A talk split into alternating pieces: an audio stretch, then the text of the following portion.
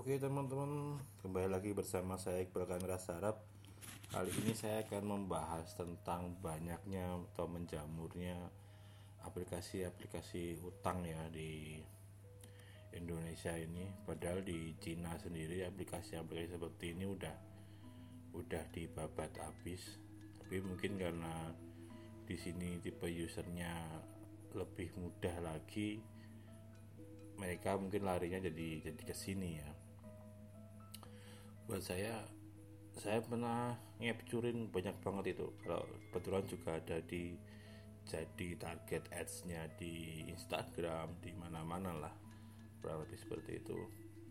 Buat saya sebenarnya potensi potensi mereka untuk di Indonesia ini sangat-sangat besar ya untuk dapat dapat data terutama dari permission yang mereka harus approve untuk bisa dapat menginstal aplikasi itu bahkan sampai apa flashlight apa namanya itu kamera itu juga harus di approve belum lagi bisa membaca semuanya lah SMS dan lain-lain itu walaupun sebenarnya itu juga mereka butuhkan karena mereka kan namanya juga kredit online kan jadi mereka tidak bertatap muka jadi butuh butuh jaminan bahwa user itu juga tidak kabur. Tapi terkadang memang itu sangat-sangat buat saya lebay juga ya permissionnya bisa bisa mungkin hampir semua permission yang ada di Android mereka suruh approve. Buat teman-teman sih kalau mau ngambil kayak gitu kayak gitu mending pakai nomor baru atau HP yang fresh install dan lain-lain. Kalau mau tetap pakai jasa kredit-kredit online seperti itu takutnya sih pertama itu mengganggu orang lain dalam artian teman-teman masih punya teman dan lain-lain. Terus karena kontak teman-teman ini kebaca yang 10 last call terakhir 10 SMS terakhir mungkin 10 WA terakhir dan lain-lain kebaca jadinya seolah-olah orang yang terakhir mengkontak teman-teman adalah orang-orang yang dekat dengan teman-teman. Mungkin secara sistem mereka menerapkan seperti itu. Jadi kalau yang dikontak itu adalah teman-teman dekatnya teman-teman bagi kita jadinya mereka jadi ikut jadi ikut ditagih juga ya. Kalau cuman SMS gitu ya nggak apa-apa tapi terkadang sampai sampai ditagih yang dibentak-bentak dan lain-lain. Nah itu kan juga malah nyusahin nyusahin teman sendiri kan. Belum lagi potensi jika yang yang ditagih itu adalah calon klien kita itu kan juga nanti malah kita jadi malu kan. Kita dapat proyekan yang ditagih dan dimarah-marah itu malah calon klien kita. Karena calon klien kita itu masuk 10 last call atau last send yang kita lakukan itu.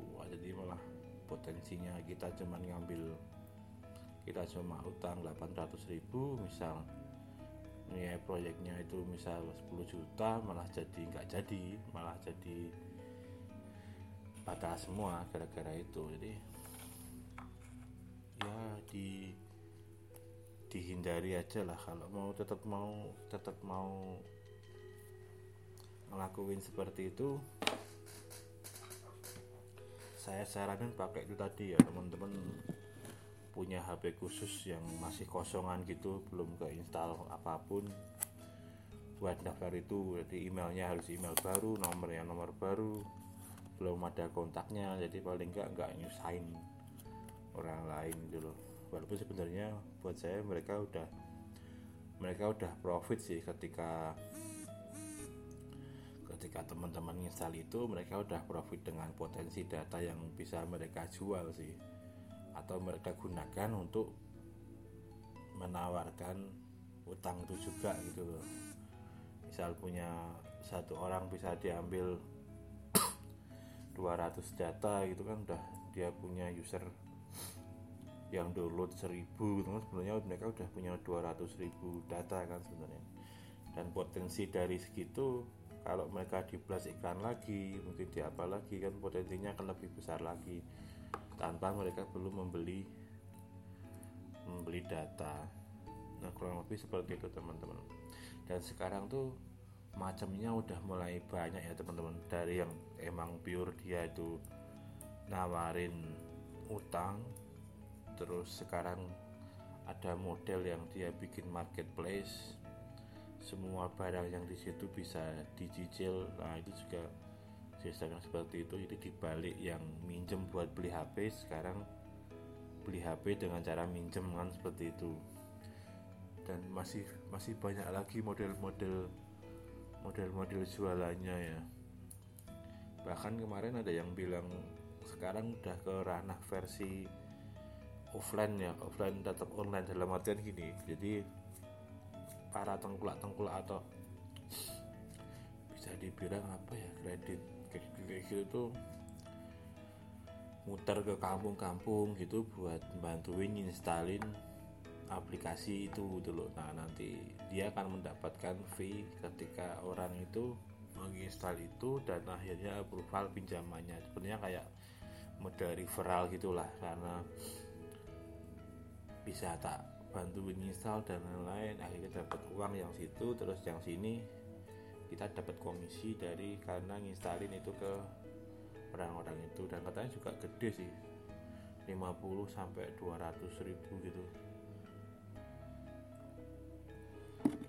Cuma modal nginstalin APK APK simpan pinjam ya simpan pinjam APK utang-utang gitulah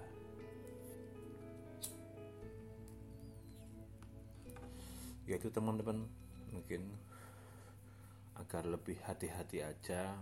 Yang penting lebih ke jangan sampai privasi kita juga keganggu gara-gara itu. Dan yang penting privasi orang lain jadi keganggu juga karena karena ulah kita gitu loh karena ulah kita pinjem dan lain-lain.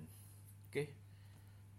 Sekian dulu teman-teman podcast dari saya. Semoga bermanfaat buat eh, sekedar informasi dan teman-teman punya sudut pandang yang lain dengan mendengarkan persepsi saya. Selamat pagi siang sore buat teman-teman semuanya. Salam olahraga